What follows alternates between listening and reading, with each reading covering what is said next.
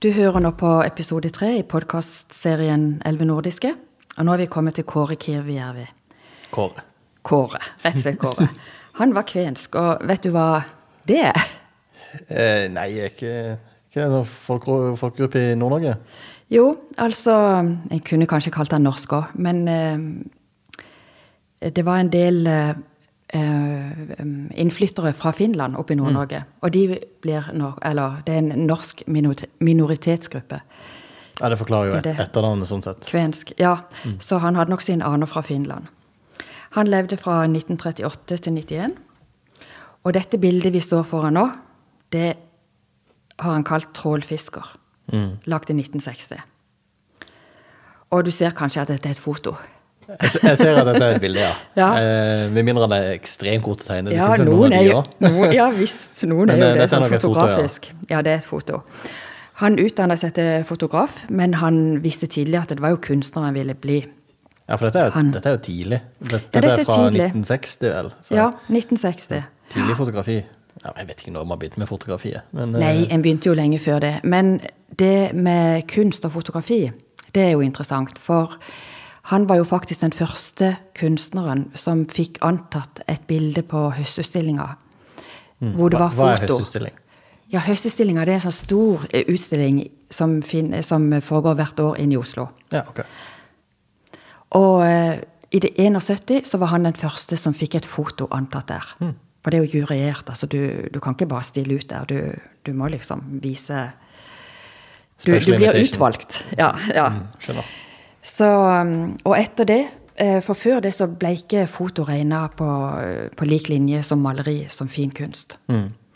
Og han var også med og så gjorde arbeidet eh, innen De frie eh, fotografers forbund, hvor de jobba for sine rettigheter.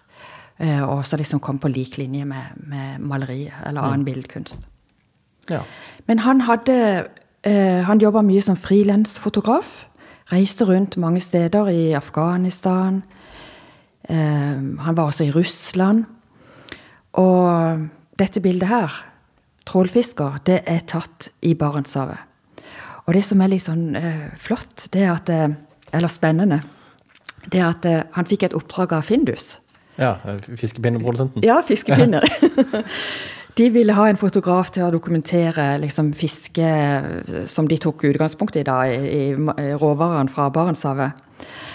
Og eh, her i dette rommet så ser vi jo at det er mange bilder som eh, viser fiskere i arbeid. Og det var jo et blodslit de drev med, og det var jo mange farlige situasjoner de kom opp i. Ja, Og godt humør, han i hvert fall, eh, han i front der. ja, han smiler. Smiler er glad. Smiler tann, tannløst. det mangler jo to fortenner, ser det ut som. Men han, eh, Kåre han var jo også en mester til å fange liksom øyeblikket. Og, og også Han ble også kalt for mørkerommets mester. For en ser jo her at det er jo veldig fokus på lyset, hvordan det treffer menneskene. Og Det er, jo de, jo, det er jo veldig fascinerende som du er midt på sjøen.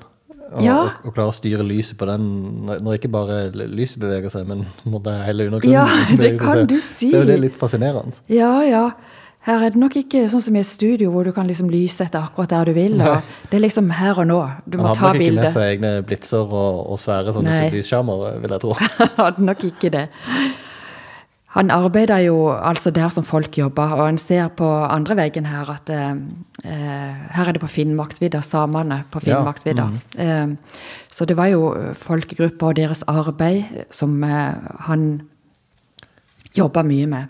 Et av de stiligste bildene han har, er jo han eh, industrieieren på, på andre sida her, fra- fra Italia, er det det? Eh, Ja. Ja, som står eh, blid fornøyd. ja veldig fornøyd. Står i veldig fin kontrast til han fiskeren på, Ja. på dette bildet. Det kan du si. Ja, her er det forskjell på folk og drott, skulle jeg til å si. Ja. Noen, eh, når de skal beskrive bildene, så syns de at de er veldig mørke og dystre. Eh, Men også at de liksom viser mennesket både nært og, og på avstand. At en kan kanskje lese en del sånn psykologi i bildene. Men han var en ganske sånn sær eh, type også. De eh, Han fikk i Eller NRK ville lage et portrettprogram av han.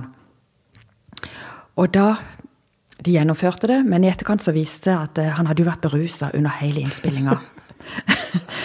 og de ble jo i beit hva de skulle gjøre. Men så fant de ut at de skulle kjøre programmet på NRK, men seint på kvelden, når de antok at barna barn hadde lagt seg. Ja. Ja, riktig. Ja, det er passende. Så det kan dere også se på, på NRK sin hjemmeside på, i arkivet de Ja, sitt. Klarer du å se de bildene? fint. At han var berusa da han tok bildene? Det er kanskje ikke så, så sikkert. Og på disse, disse som hun har tatt her? Nei, eller tenkte du på den filmen? nå tenkte jeg generelt. Å oh, ja. ja det, ikke, det vet jeg ikke, for jeg kjente han ikke. Men spennende og en markant skikkelse innen eh, norsk fotokunst. Ja, det er noen, noen flotte fotografier. av- Veldig fint utstilt her på museet i en lang, lang gang. Så vi får på en Ja. måte litt dramatikk også i, i selve utstillinga. Ja, jeg syns det passer, og, og det gjør jo også at du må liksom litt nært på dem. Du kommer automatisk nært på bildene. Ja. Men det var litt om, eh, om Kåre Kirvijärvi. Eh, da skal vi i neste episode så skal vi eh, ut av dette og et litt annet fint utstillingsrom. Eh, hvem skal vi snakke om i neste episode? Hanne? Da er det den svenske kunstneren Ola Billgren. Da ses vi i neste rom.